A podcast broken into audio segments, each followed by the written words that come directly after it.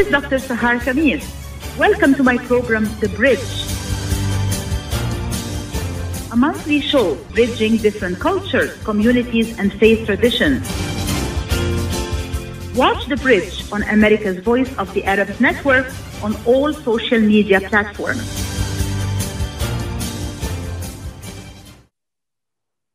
Good morning, everyone. This is your host, Dr. Sahar Khamis. Welcome to another great episode of The Bridge on US Arab Radio, also broadcasting live on Facebook. We have a very interesting topic and great speakers and guests today. We're going to talk about We Refuse to Be Enemies, a story of Muslim Jewish friendship. It's going to be a discussion by two co authors. One of them is an American Muslim woman, and the other is a Jewish American man. They both wrote a book together, which is called We Refuse to Be Enemies how Muslims and Jews can make peace one friendship at a time. Such a very interesting title and a very interesting topic, of course. So my guests are Ms. Sabiha Rahman. She's a blogger, an author, public speaker, and an interfaith activist for many years.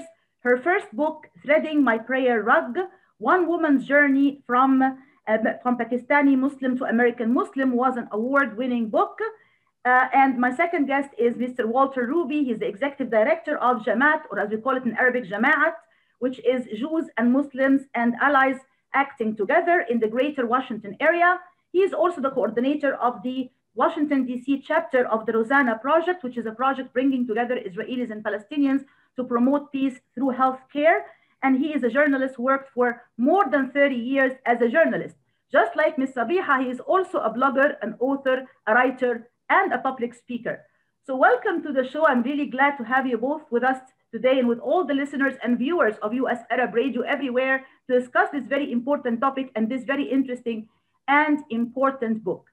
Before we start talking about the book and the journey of writing the book, I always say the book writing is a journey.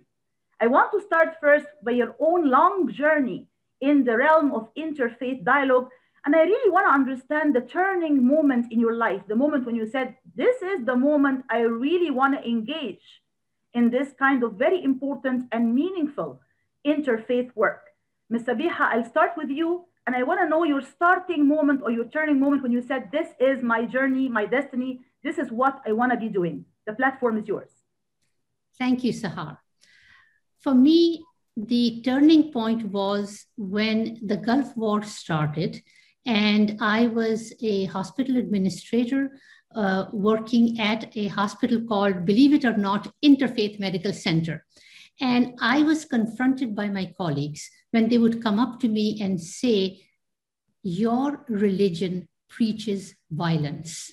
And I would say, No, it doesn't.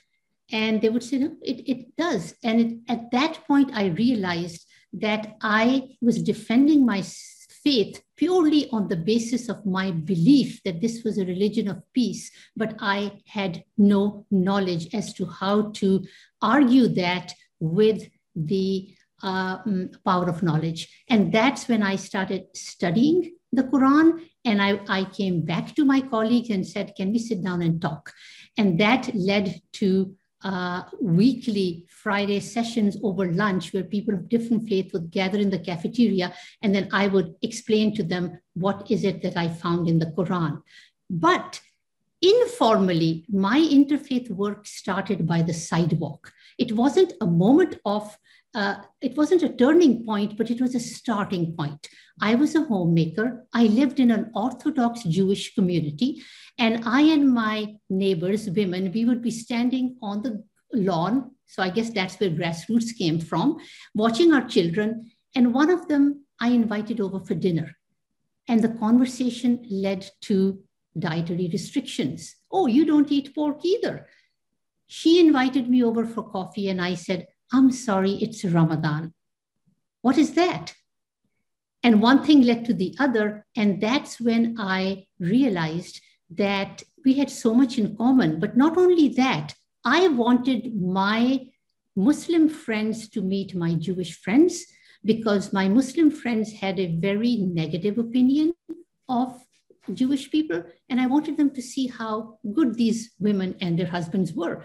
And likewise, I didn't want my Jewish friends to think that I am unique. I am not like the rest of them kind of Muslims. I am an outlier. I wanted them to meet my Pakistani Muslim friends. So I started inviting them into my home. And that's how that very casual, informal, unplanned interfaith dialogue started. And eventually it we graduated into public spaces and started holding talks in mosques and synagogues and uh, libraries. And and then our journey took off. But those those were the two moments of starting and awakening. And i can go into more detail if you like at, a, at another point in this discussion. Of course we'll come back to this very interesting point because it's all about building relationships right? One person at a time which is really the main essence and the main thrust and theme of your own co-authored book this is very interesting and i love your analogy by the way on the grass and that's how the grassroots started i love this very much I'm sure you're a great storyteller and a great writer. So I'll move on to you, uh, Walter, and ask you the very same question I just asked Sabiha. Your own moment when you said, I really want to start to embark on this journey of building interfaith relationships between Muslims and Jews. When and how and where did this moment come? Okay, so thank you so much, uh, Sahar. This is wonderful. Uh, great question.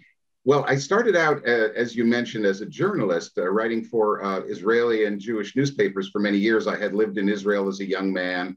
And then I came back to New York and I was covering um, the Middle East peace process um, for Israeli and Jewish newspapers based at the UN. And so I got very engaged in it. I mean, I was covering it as objectively as I could because that was my job. But of course, I really believed in it and I believed it would succeed. And during the 1990s, as you know, it looked like we were on the verge of peace after the Oslo Accords. Then, when everything crashed and burned in the early 2000s, I felt first, I felt bereft. I felt like it was a personal tragedy. And of course, I still feel that way in many levels, but I kind of drifted over the, for a couple of years, sort of moving toward, you know, seeing about Muslim Jewish relations kind of as an alternative. I'm not sure if I even thought it through, but I, you know, so at least we can do something here. We don't want to import the poison of the Middle East conflict here, God forbid. This is obviously in the wake of, of 9-11. And then my turning point, I would say, Sahar, it was in 2006. I went to the World Congress of Imams and Rabbis in Seville, Spain. Uh, there were a series of these events uh, during that period, but that was the one I attended. And it, it just really moved me uh, on all kinds of levels because I've been covering the, the peace process, the political back and forth and negotiating over land. And it seems so sterile. These guys, these imams and rabbis, and these included Palestinian and Israeli um, imams and rabbis, were engaging on this very interesting intellectual level, but with a lot of passion, discovering the commonalities in the two faiths, which they didn't know, even though many of them were scholars, but meeting the other for the first time. So it showed me that even, even the experts didn't know that much, but they were so excited to learn and there was this kind of electricity in the air uh, that just showed, uh, you know, they would be stay up all night playing oud and guitar together. And I thought, you know what, if we can capture that, uh, and and I, I, said at that point, I said I really want to get involved in Muslim Jewish relations. wasn't sure how then, but several years later, I was hired by the Foundation for Ethnic Understanding as Muslim Jewish program director, and that's where I really started to get uh, working on this um, uh, going forward. So that that was in 2008. So that's kind of how I got to it. That's great. And both of you are really involved in a number of very important interfaith initiatives and organizations. So I want to also give the listeners and viewers a bit of an idea about this kind of interfaith work, the kind of activities and organizations that you both have been engaged in. And uh, Walter, you are the executive director of Jamaat, or as I said an Arabic, Jamaat, uh, you know, Jews and Muslims and allies acting together in the greater Washington area. I've been involved with this group for a long time now, but I would love to give our listeners and viewers an idea about this particular organization, what kind of initiatives, activities, events, uh, you know, missions you are involved in, and the significance of all of this important work. Well, we we we we've done. We've done a number of things uh, in Jamaat. I mean, basically, this the idea is is very much as Sabiha said, grassroots, bringing the idea of Jamaat, it's not, it's a grassroots organization bringing together Muslims and Jews who want to connect, want to learn about each other. So we have, you know, we've had many, many fascinating discussions about commonalities in the two faiths. We've done a lot of community service events, feeding the hungry together, uh, visiting the sick, Um, we've held health fairs because we believe that's a very important component that if Muslims and Jews, there's a moral imperative in both faiths to help those in, who are most in need. And we want to do that together. We see that as very, very important. And the other piece of it, I would say, is uh, the whole idea of standing up for each other, being there for each other. If, if a, a hate crime is committed against either community or incitement uh, against either community, uh, which have, unfortunately there's been quite a bit over, as you know, over the last four or five years. So we, we feel that it's a very important. We just had a we just had a meeting uh, two, two, or three days ago, and it was it was wonderful. We we had been uh, fairly quiescent for uh, during during uh, last year because of the the coronavirus, but we had a great meeting where we came together and we looked at our agenda. Uh, we saw, you know, uh, there were so many you know, important uh, initiatives that need to be taken right now on on on, on, so many issues, and so it's um, that that can that impact Muslims and Jews, and and so that's um, what what we do, and and of course we we did. Um, as you probably well remember, Sahar, the spread hummus not hate uh, was another one that we did where we would take a, a car through uh, or a van through uh, Washington, visiting different sites, including we visited yourself at the University of Maryland, and speaking out saying, we are Muslims and Jews. We love each other. Here we are. It was kind of a public coming out, coming out in the streets. We would speak in parks. We went to Congress once or twice. So um, that's another example of the kind of things we've done. Excellent. And uh, Ms. Sabiha, I'll ask you the same question about the organization that you are a board member in, which is Muslim Jewish Solidarity Committee. You can also give our listeners and viewers a brief idea about this particular group and what actually they're involved in, what kind of work, activities, missions, they are undertaking. Thank you, Sahar. So the idea behind the Muslim Jewish Solidarity Committee was that we don't want to wait for Ramadan to come for us to get together, or for Christmas to come for us to get together, or for special events. We need something happening year round, all the time, that is not focused only on special religious holidays. So the idea was to bring together the youth and the adults across all ages, across all ethnicities to, to engage in any activity that drives them. So, for example, we may take a walk through the Yemeni neighborhood in Brooklyn and uh, indulge in their uh, foods and in their markets and uh, um, go to a bakery, go to a supermarket, and just experience uh, the cuisines of a ethnic neighborhood. Or we could have a class on calligraphy, or we could get together in a living room for an iftar. And there's something for everyone that is going on year round all the time. It's led by Michelle Koch. I don't know how she makes the time with a little five-year-old, but this is has been has flourished in, in New York City. And I'm really very proud to be a part of it. But then interfaith has an opportunity in every space. So we can have interfaith in our living rooms. And an example of that is that I am part of an interfaith book club with the three Abrahamic faiths. Every month we read a book of a faith, and then we get together in our living rooms, pre COVID, of course, uh, to educate ourselves uh, and uh, understand one another's faith. Uh, we have uh, convention halls uh, as another venue where the Sisterhood of Salam Shalom will have it, its annual conferences. And yet we also bring that conversation into our living rooms. And then in houses of worship, we, I'm part of a program called Scriptural Reasoning, where the three Abrahamic faiths get, get together pick a theme, select passages from each of the three scriptures, and we study it together and uh, get, get, get to understand it not from a teacher's perspective, but from a layman's perspective. So those are all examples of how you can find interfaith dialogue in any space. Absolutely, I totally agree. And I think something that you both have in common is this kind of interfaith work in action or faith in action, which is a very important component. We'll come back to this very important and interesting discussion right after this commercial break. Stay tuned, please.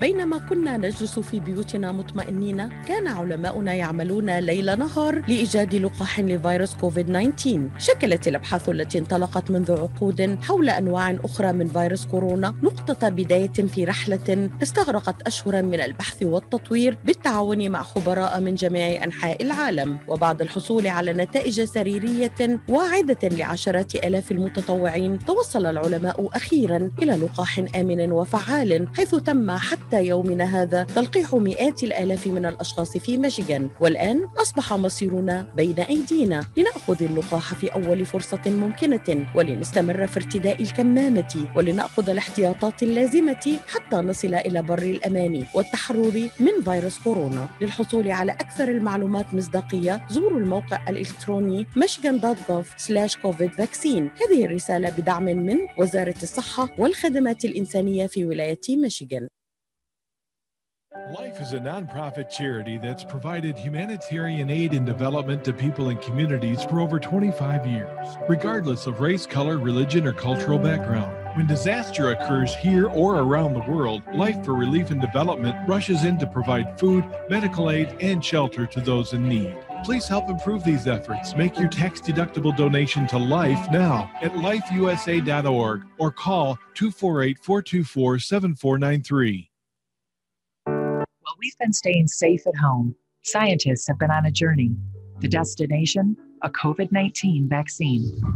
This journey began decades ago with research into other coronaviruses. Scientists built from there with months of research and development, cooperation with other experts worldwide, and clinical trials on tens of thousands of volunteers of diverse race, age, and health status. They arrived at a safe, effective vaccine, and hundreds of thousands in Michigan have already been vaccinated. But the next step is ours. We need to get the vaccine when we can. Keep wearing masks correctly and taking precautions until we reach our destination freedom from COVID 19 and getting back to the lives we love. Discover the facts for yourself at michigan.gov slash COVID vaccine. A message from the Michigan Department of Health and Human Services. Get ready for an amazing experience at Ishtar Restaurant on 15 Mile Road in Sterling Heights. Enjoy excellent hospitality from owners Ali Al-Baghdadi and Fatty Bonham serving the best in Mediterranean food. Try Chef Ali Al-Baghdadi's famous shawarma, the best Iraqi grills and food, and the best Arabic and international dishes. Dine in our authentic atmosphere or take out. Call 586 698 2585 or check us out on Facebook. Ishtar Restaurant practices all CDC guidelines and is open every day, 11 a.m. to 10 p.m. Have an amazing experience today at Ishtar Restaurant, 3625 15 Mile Road, Sterling Heights.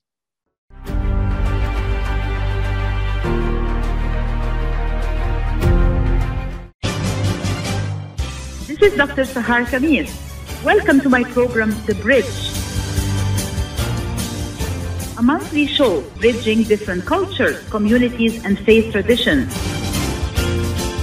Watch The Bridge on America's Voice of the Arabs Network on all social media platforms.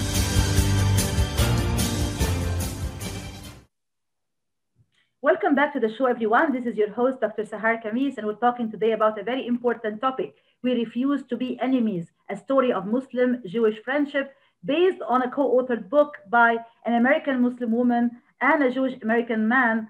Sabiha Rahman and Walter Ruby are my guests today. So I want to continue with this kind of discussion about your interfaith journeys a little bit before we turn to the journey of the book that we're talking about today. And uh, Walter, I know that you are the coordinator of the Rozana project in the greater Washington area. That's a very important project. I would like you to quickly give our listeners and viewers everywhere a brief idea about this particular project, how the idea started, why it's important, and the kind of work they're engaged in. Okay, well, the name Project Rozana is because the, uh, a little Palestinian girl uh, named Rozana uh, in 2013 fell out of an eighth story. She lived on an eighth, eighth story uh, building, fell off the balcony and fell to the ground and, and was very badly injured. Her, you know, almost of her bones were broken. And they were able to, she lived in just a few miles, you know, a little between uh, Ramallah and Jerusalem. And they were able to get her to a hospital in in Israel to Hadassah Hospital, and and her life was saved. And you know that that doesn't necessarily always happen, but it did happen in that case. So it it led that story, and not only life was saved, but she now has lived a, normal life. And uh, her story really was the genesis of the idea of of, of uh, people on both sides working together uh, to both raise the level of healthcare in um, in Palestine, in the West Bank and Gaza, and in, in West Bank uh, and and Gaza both, um, but also in cases where uh, right now the um, the services, the hospital, the level of the hospitals in the in the West Bank and Gaza are not so high, uh, to get sick children, especially children with cancer, bring them to Israeli uh, hospitals inside of Israel to to save their lives. And so it's really inspired by the by the uh, the aphorism in in both of our faith traditions, in the Quran and in the Talmud, that if you save one life, you save the world.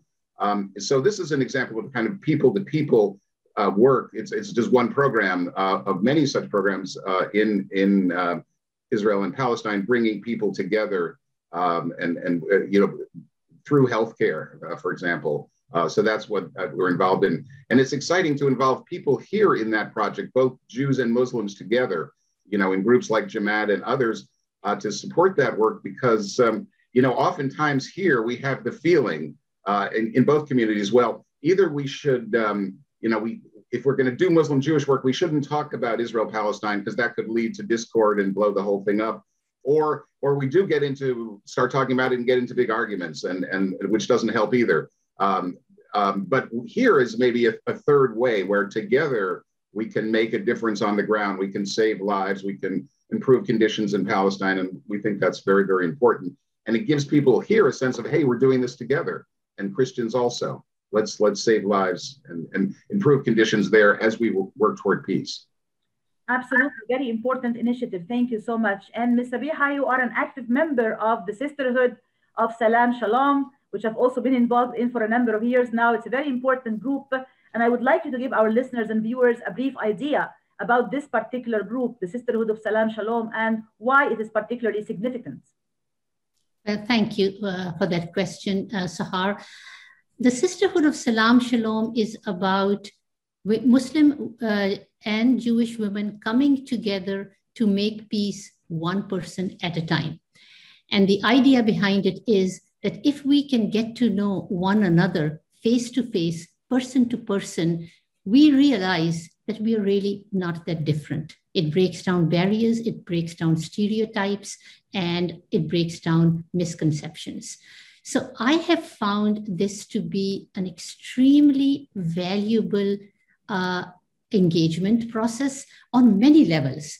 So, as an example, at first, when we used to meet, uh, it was in convention halls, but we all chapter meetings would take place in the living room. So the environment was intimate. We would get together and we were learning about one another's faith. Okay, it's Ramadan. Tell us about fasting. It's uh, Yom Kippur. What is your fast like?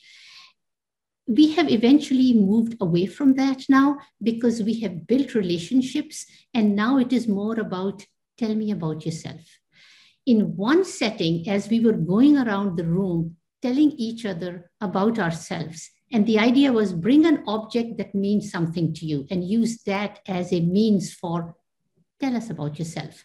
This Turkish woman had a bracelet and she said, My father made this for me before he went to jail.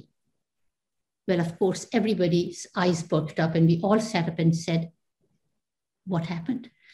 And she told us the story about her father being an activist in Turkey, going to jail, her then leaving the country, coming over here to seek refuge. Her, her visa is expiring, her passport is expiring, she doesn't know what to do. And before you knew it, everyone in the room had whipped out their phones, call, call HIAS, here's a lawyer, do this, do that. We got together, did crowdfunding despite her protest. No, I'm fine, I'm fine. And within a couple of weeks, she had a court date. She, she had everything mapped out for her.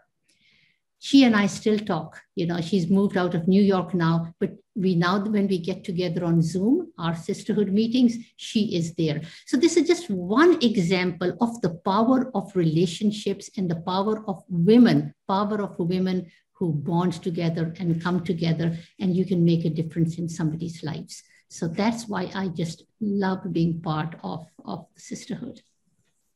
Absolutely. There's one other thing. We have a standing room. You shall not engage in politics for 18 months. And the idea being that let relationships gel, let trust develop.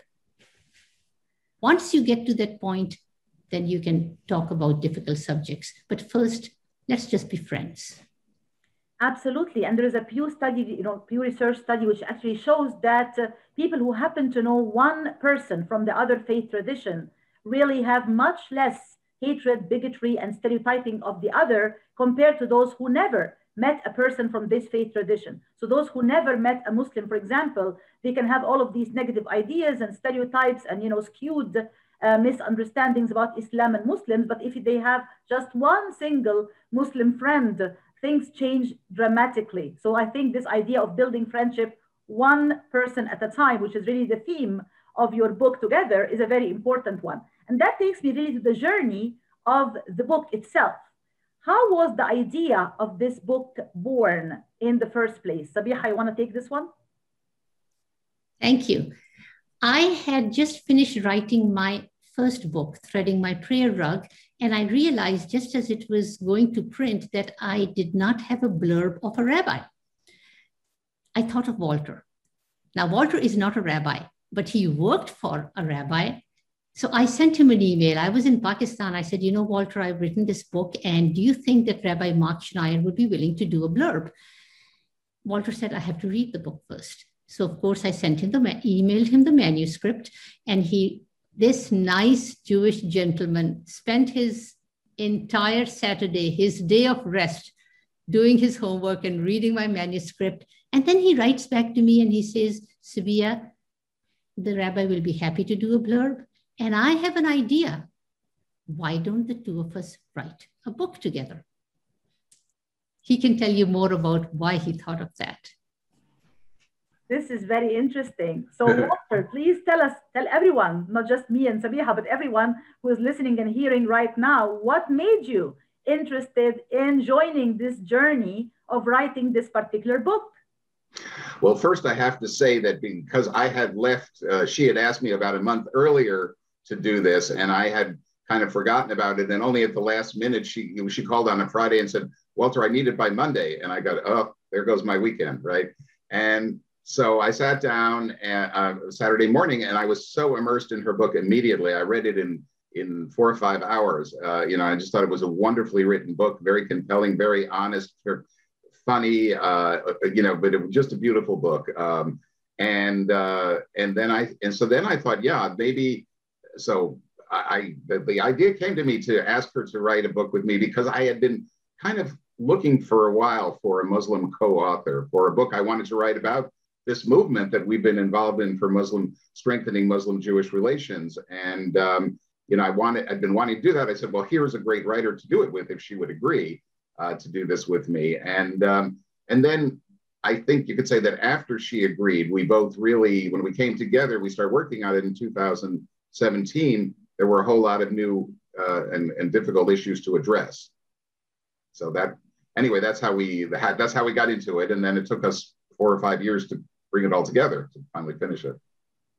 This is it seems like uh, an intellectual match made in heaven. Actually, when I hear both of you and how you came to this point, we'll come back to this very interesting discussion right after this commercial break. Stay tuned, please.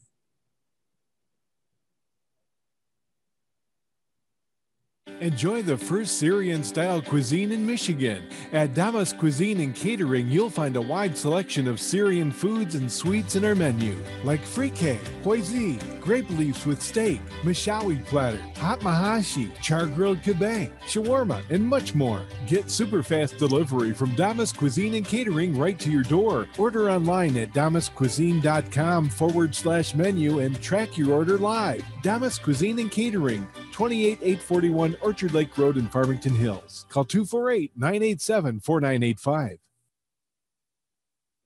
Are your hands feeling numb? Do you feel pain opening up a jar, turning a key? Are you noticing that your elbow and your shoulder are becoming stiff? Or were you recently injured in your arm? Hello, I'm Dr. Albanjit Katranji, And at the Katranji Hand Center, which just recently opened down the street from the Somerset Mall, we can provide you with the latest in hand, wrist, elbow, and shoulder care.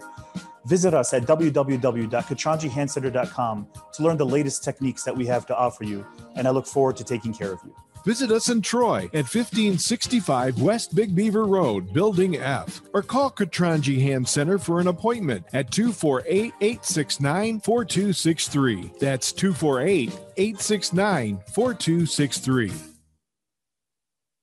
At Top Rehab Physical Therapy Clinic in Dearborn, we provide effective physical therapy sessions in order to limit pain and discomfort. Top Rehab provides physical therapy care for any diagnosis prescribed by a physician, and we regularly see and treat conditions such as stroke, TMJ, fibromyalgia, sciatica, joint pain, and more. We use a variety of pain management methods, including modalities, soft tissue mobilization, and therapeutic exercise. If you're in need of physical rehabilitation or physical therapy, get the highest quality health care at Top Rehab. Most insurance is accepted, and we're open Monday, Wednesday, and Friday 8 to 6, Tuesday and Thursday 8 to 5, and Saturday 10 till 2. Call for an appointment today at 313 846 0555. That's 313 846 0555. Choose Top Rehab Physical Therapy Clinic on Michigan Avenue in Dearborn. Life's too short to be in pain.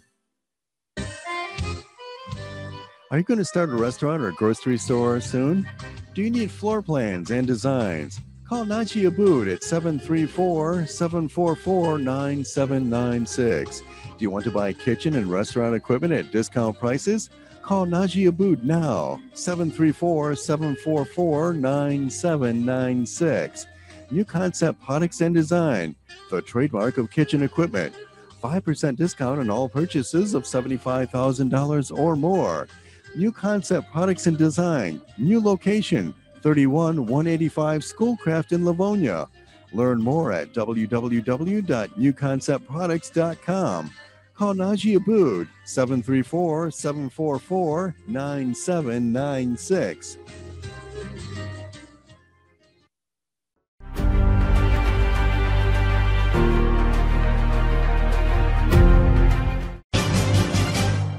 This is Dr. Sahar Khamis. Welcome to my program, The Bridge. A monthly show bridging different cultures, communities, and faith traditions. Watch The Bridge on America's Voice of the Arabs Network on all social media platforms. Welcome back to the show, everyone. This is your host, Dr. Sahar Khamis, and we are on another episode of The Bridge, uh, streaming live on Facebook and also, of course, on US Arab Radio. We are discussing a very important journey of interfaith work and intellectual collaboration. We refuse to be enemies. A story actually of Muslim Jewish friendship. And with me are the co authors of the book, Walter Ruby and Sabiha Rahman, a Muslim American woman and a Jewish American man, talking about their interfaith journeys and how they came about writing this book. So, Sabiha, I want you to give our listeners and viewers an idea about the main theme.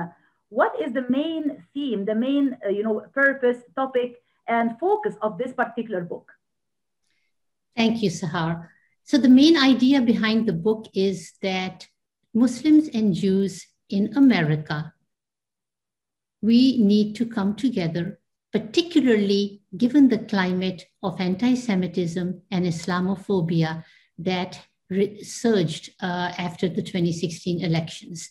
And we believed that Muslims and Jews cannot afford to let the Middle East conflict divide us here at home. We are Americans first. We live here, not there. And we have to put, if we want democracy and pluralism to survive and thrive, we as minorities in faith need to come together, stand by one another. And for that reason, we decided to convey this message to our readers by outlining what it is that we have in common and why it is so important that we stick together and that interfaith dialogue works. We have done it, we have seen its impact, and we try and demonstrate that in our book. This is great. And Walter, if you were to summarize the three most important takeaways from this book for our listeners and viewers, besides, of course, what Sabiha already mentioned, if you want to really come up with the three most important takeaways which the readers of this particular book can come, can come away with, what would hmm. you? Well, I could give you, we, as, as Sabia started to say, we developed uh, principles uh, that, that kind of um, uh, define Muslim Jewish, what brings us together. Uh, and so we, uh, we, I had already mentioned the theme of you save one life, you save the world, which is in both the Quran and the, and the Talmud. Uh, the other one, another one is welcome the stranger, that this is so central to both of our, our, um, our communities, our religions. It's very deep. And also, you know, at this time, we so we need to stand up for the right of refugees to come to America, including obviously Muslim refugees. So that that's a big part of what we've been doing. We we stand for uh, Islah and Tikkun Olam. Uh, Islah meaning reform, uh, and uh, Tikkun Olam, uh, uh, saving the world um, or rebuilding the world, I should say. And um, and these two concepts lead us to go out and do social uh, social action together, to go and feed the hungry and the other things that I mentioned. And finally, and, and maybe the most central right now is standing up for each other in, in so many ways that we've that we've done and we've seen. Um, it's been a big, big part of our work from the very, very beginning.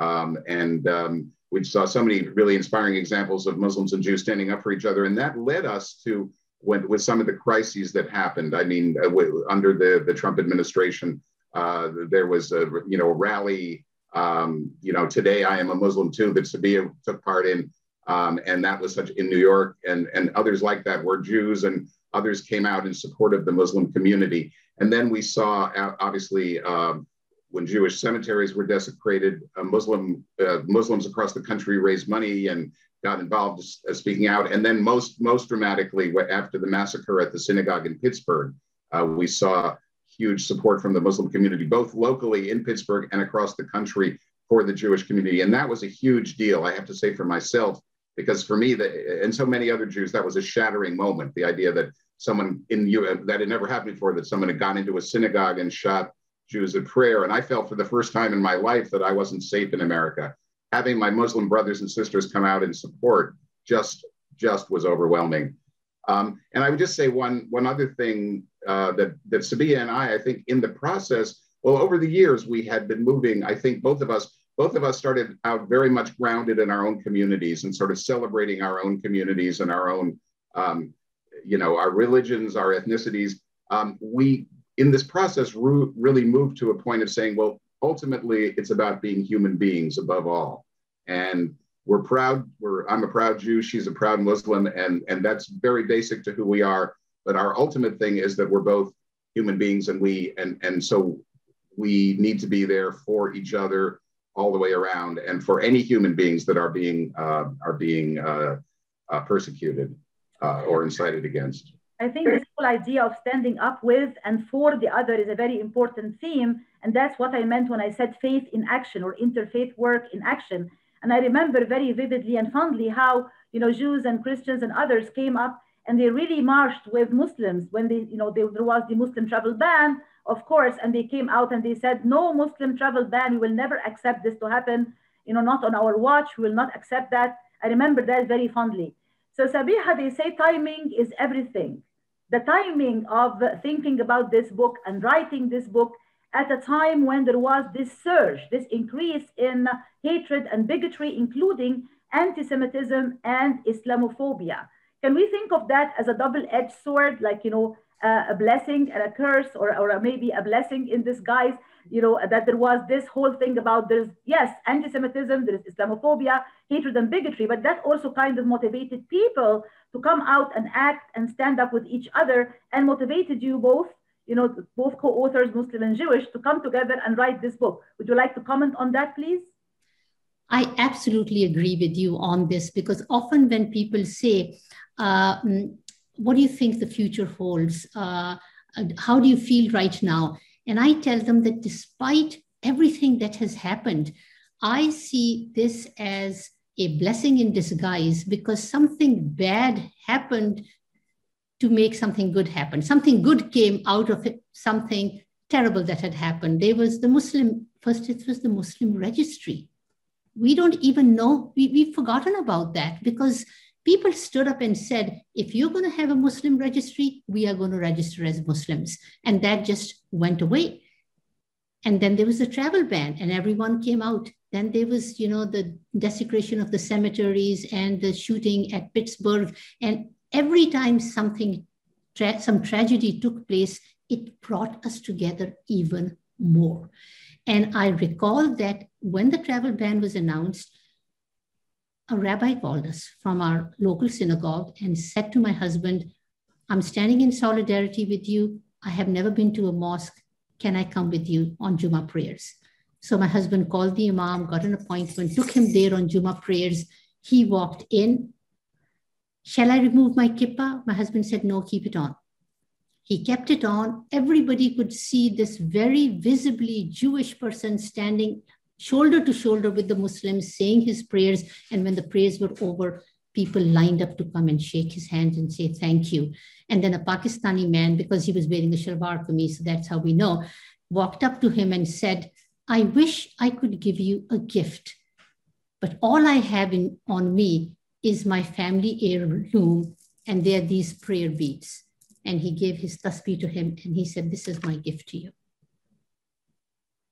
something bad happened, and out of it, so much good came out. Absolutely. I cannot agree more. This is really compelling. This is very touching. This is really beautiful. The fact that, you know, out of this darkness came light, and out of this hatred came love, and out of the tragedy and the hardship and the trouble came a lot of hope and a lot of aspiration for a better future, as we witnessed and are still witnessing in the interfaith work and activities and solidarity between different uh, interfaith groups and activists. So would you like to show us the uh, copy of the book, uh, Sabiha, uh, since you have it uh, on hand, can you, can you please show it to our uh, listeners and viewers everywhere and we can all take a look at it. That's awesome. Congratulations to both of you. And my understanding is it is really going to be published on April 20th, 2021, so very soon. So can you just give us a brief idea? Maybe Walter can tell us where can people actually find the book and how can they possibly order it? Well, I, I think Sabia, do you have the full list, Sabia? Maybe you want to. Um, uh, I mean, there's a there's a number of places. Obviously, Amazon.com, uh, Barnes and Nobles. Um, what are some of the other ones? Goodreads, indie books. Sabia, do you? Yeah. So if, if you want to support the independent bookstores, then just go to indie books, uh, and all your neighborhood bookstores are listed there, where you can buy it from. Target has it. Uh, right. Walmart has it. Uh, Bookshop has it and um, Books a Million have it. So all the major outlets, uh, you can order it online. It, it will be a pre-order today, and then after April 20th, of course, it will be on the shelves. And your neighborhood bookstores, please support your neighborhood bookstores. That's amazing. That's really great. And congratulations to both of you again on this great uh, effort. Uh, before going to our last commercial break, I want to just quickly say that unfortunately, there are those who are skeptical about the value of all of this interfaith work those who are skeptics, those who say, you know, this is all great, it sounds awesome, but the fact is people still have, you know, negative ideas and stereotypes about quote unquote the other with a capital O, right? And these differences are very difficult to bridge. Uh, you know, people are still apart, there are still conflicts, the, the world is still very much a troubled and torn place. Walter, what do you say to these people, these kinds of skeptics who are, you know, saying, no, no, no, this kind of interfaith work or dialogue or acti- activity or even co-authorship is not sufficient. It is not enough to bring about uh, peace. We need much more than that. What do you say to these skeptics, Walter?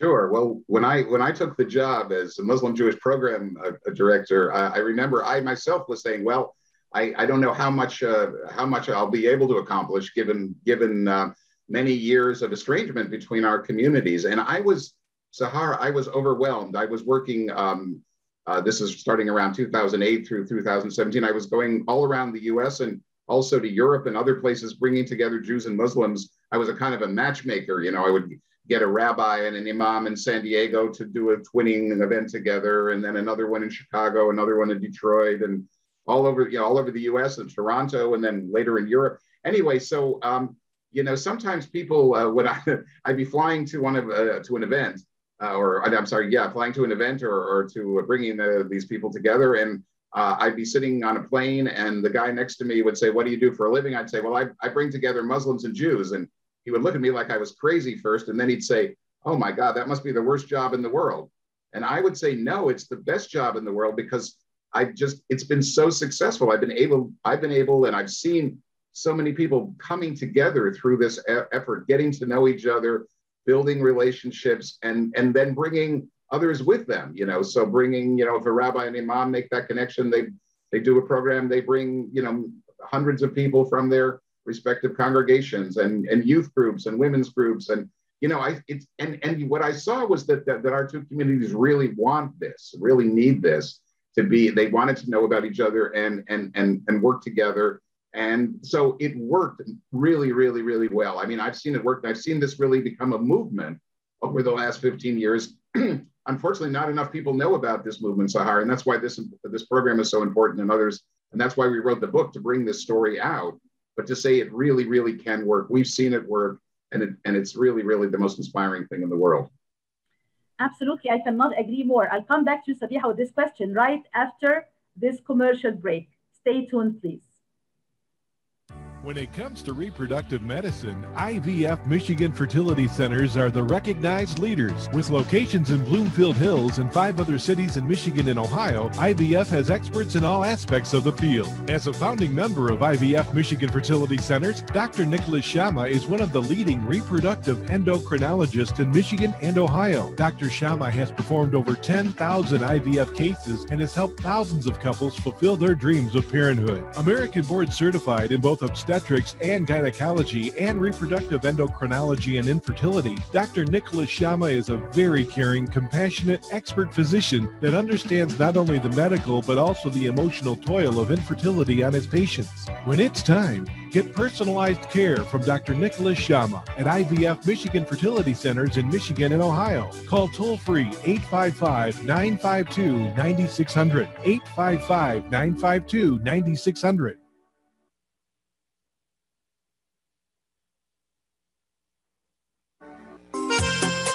Ziad brand. Quality products from our family to yours. Ziad Brothers Importing offers the finest quality products, including brands like Sultan, Kraft, Nestle, Hook, Rico Picon, Donna, and many more. Ask your retailer to carry these fine products because you deserve the very best. For more information, visit our website at www.ziad.com. That's www.ziad.com. Ziad, quality products from our family to yours.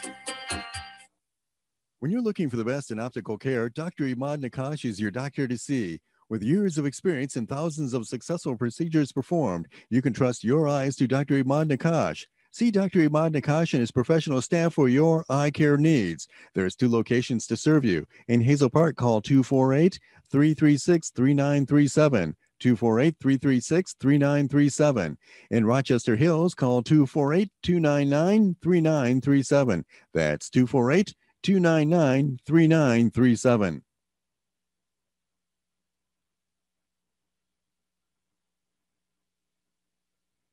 Kashat's Mediterranean Market and Shish Kebab offers a great array of your favorite Mediterranean meals.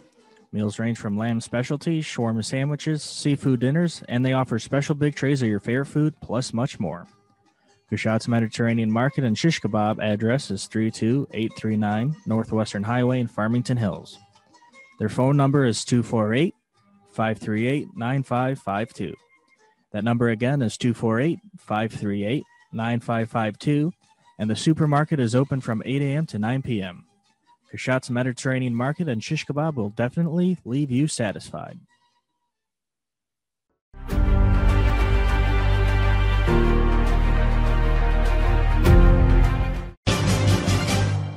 This is Dr. Sahar Khamis.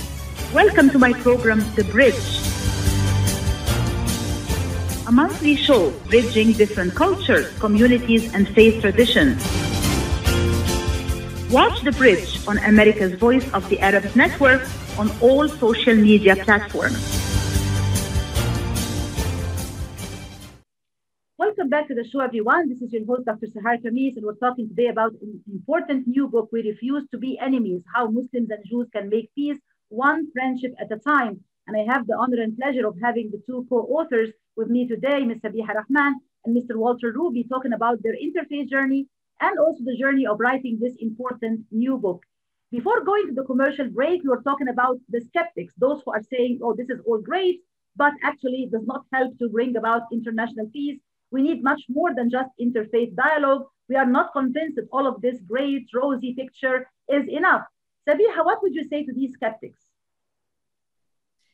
You know, I used to ask this question of people that uh, there are many people who are not willing to engage in interfaith dialogues. We want to tell them our stories to, convince them that this works. And uh, what do we do? And I was advised that there are some people who will not uh, engage in interfaith dialogue because they're skeptical about it. They believe that it's no use, or or or they they have misconceptions. So the way to get to them is tell your stories to us, meaning those people who are willing to listen, share your stories with us, and we will tell your stories to them. And that is what I have found to be highly effective because I uh, and Walter have done many talks recently, and it has opened so many other doors. Each time we give a talk, we at least four or five different organizations will reach out and said, "Can you?" We were in the audience. Can can you come and talk to us? So uh, even though there is resistance, there are always a couple of skeptics in the audience who come there to listen with the idea that you know, all right, we'll hear them out, but we're not going to go go go uh, take the second step, and they walk away feeling convinced. I was a, a, Jewish friend of mine once told me we were leaving an interfaith uh, event, and she said to me, Sabiha, when I came to your book talk, when I wrote my first book, Threading My Prayer Rug, I and a few Jewish women said, We're going to go hear her out, but we are not going to buy her book. She said, After the talk was over, I was the first to stand in line, and all the women with me picked up a copy of your book. And she said, I can tell you this now because we've come a long way in our relationship. So I would say to these people, just come and hear us out. Hear us out and and and and and watch and watch the magic work. And then yes, interfaith dialogue is not is not enough, but you first have to have the dialogue. You have to make relation. Then you have to become friends. That will lead to becoming advocates and ambassadors and and allies. And then you go and speak up for the other and defend the other and stand up for them. And then do work together, just as uh, Walter talked about Project Rozana. So from skeptics to hearing the stories to becoming friends to becoming advocates to becoming partners in action. And there's, there's a process. There's a process. Absolutely. And becoming activists on the ground as well. I would say that both your journeys, you know, you have a lot in common, being bloggers, writers, public speakers, authors, but also being interfaith activists on the ground. In other words, you are translating words into action, which is very important for people to actually see right? So they can get some kind of tangible evidence. This is actually working because people are, you know, working, they're standing side by side, shoulder to shoulder, and turning all of these great words into action, which is why I think this whole element of interfaith in action or faith in action is a very important one. And I think, Sabiha, I'll have you back on the show at some point to talk about your first book, Threading My Prayer Rug, One Woman's Journey from Pakistani uh, Muslim to American Muslim. I find it to be very fascinating. So I think this will be uh, another uh, program or another discussion sometime soon. Uh, one theme I'd like to touch upon in the very few remaining moments we have in the program is this whole uh, Rumi quote. Rumi, of course, being this famous, uh, you know, uh, writer and poet and and uh, you know Sufi mystic, who actually said, "Pain is the hole through which light enters the heart." In my case, as the mother of an autistic young man, that was how my interfaith journey started through empathy with others who had similar uh, situations, similar you know, challenges in their own lives.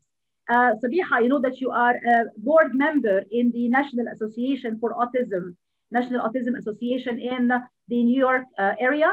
If you can briefly tell us how did this, uh, you know, experience of having a grandson with autism influence your involvement in interfaith work? Briefly, please how it, it uh, took me into interfaith work. Yes. Yeah. So when my grandson Omar was diagnosed with autism, I gave up my career as a hospital administrator to start this chapter of the National Autism Association.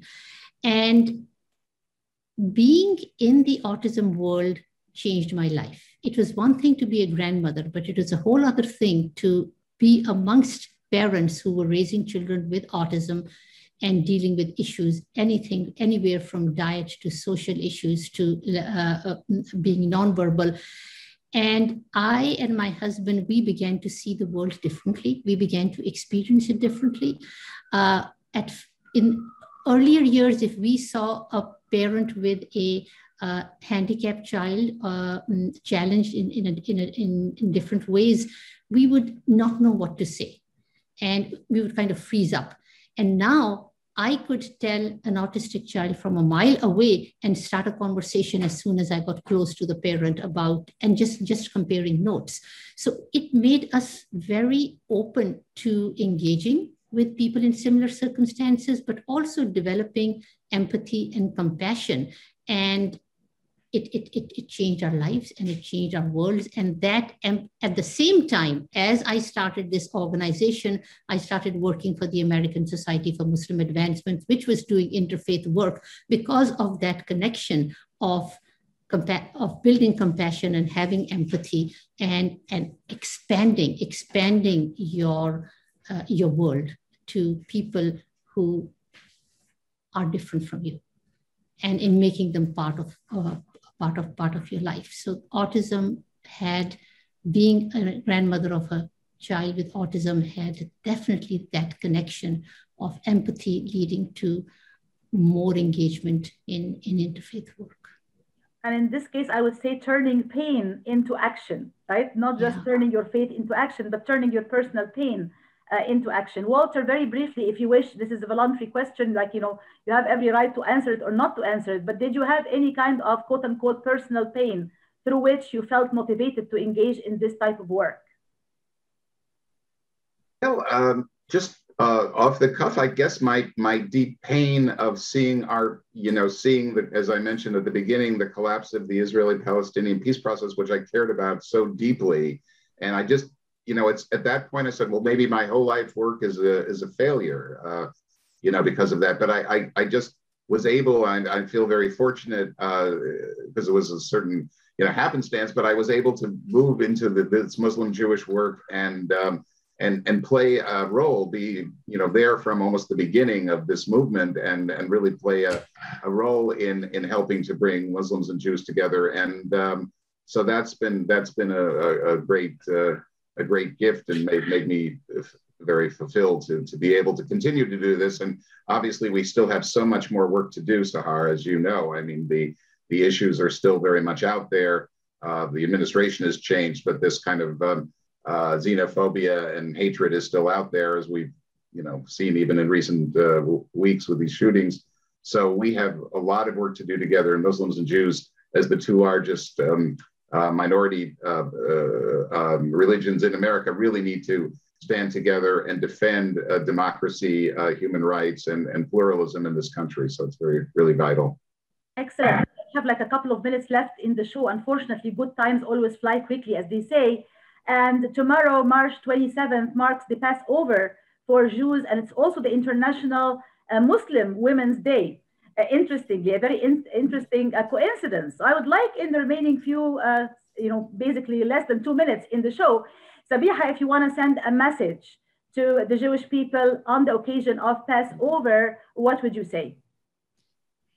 I would say have a very blessed Passover, have a wonderful festive Seder meal, and as you share the stories of the Exodus, we will be thinking about you because in our uh, religious history, we have also the story of Prophet Muhammad's migration and how that was the turning point in the Islamic history. So uh, we, we share many of those meaningful moments. So I wish you a very, very blessed Passover.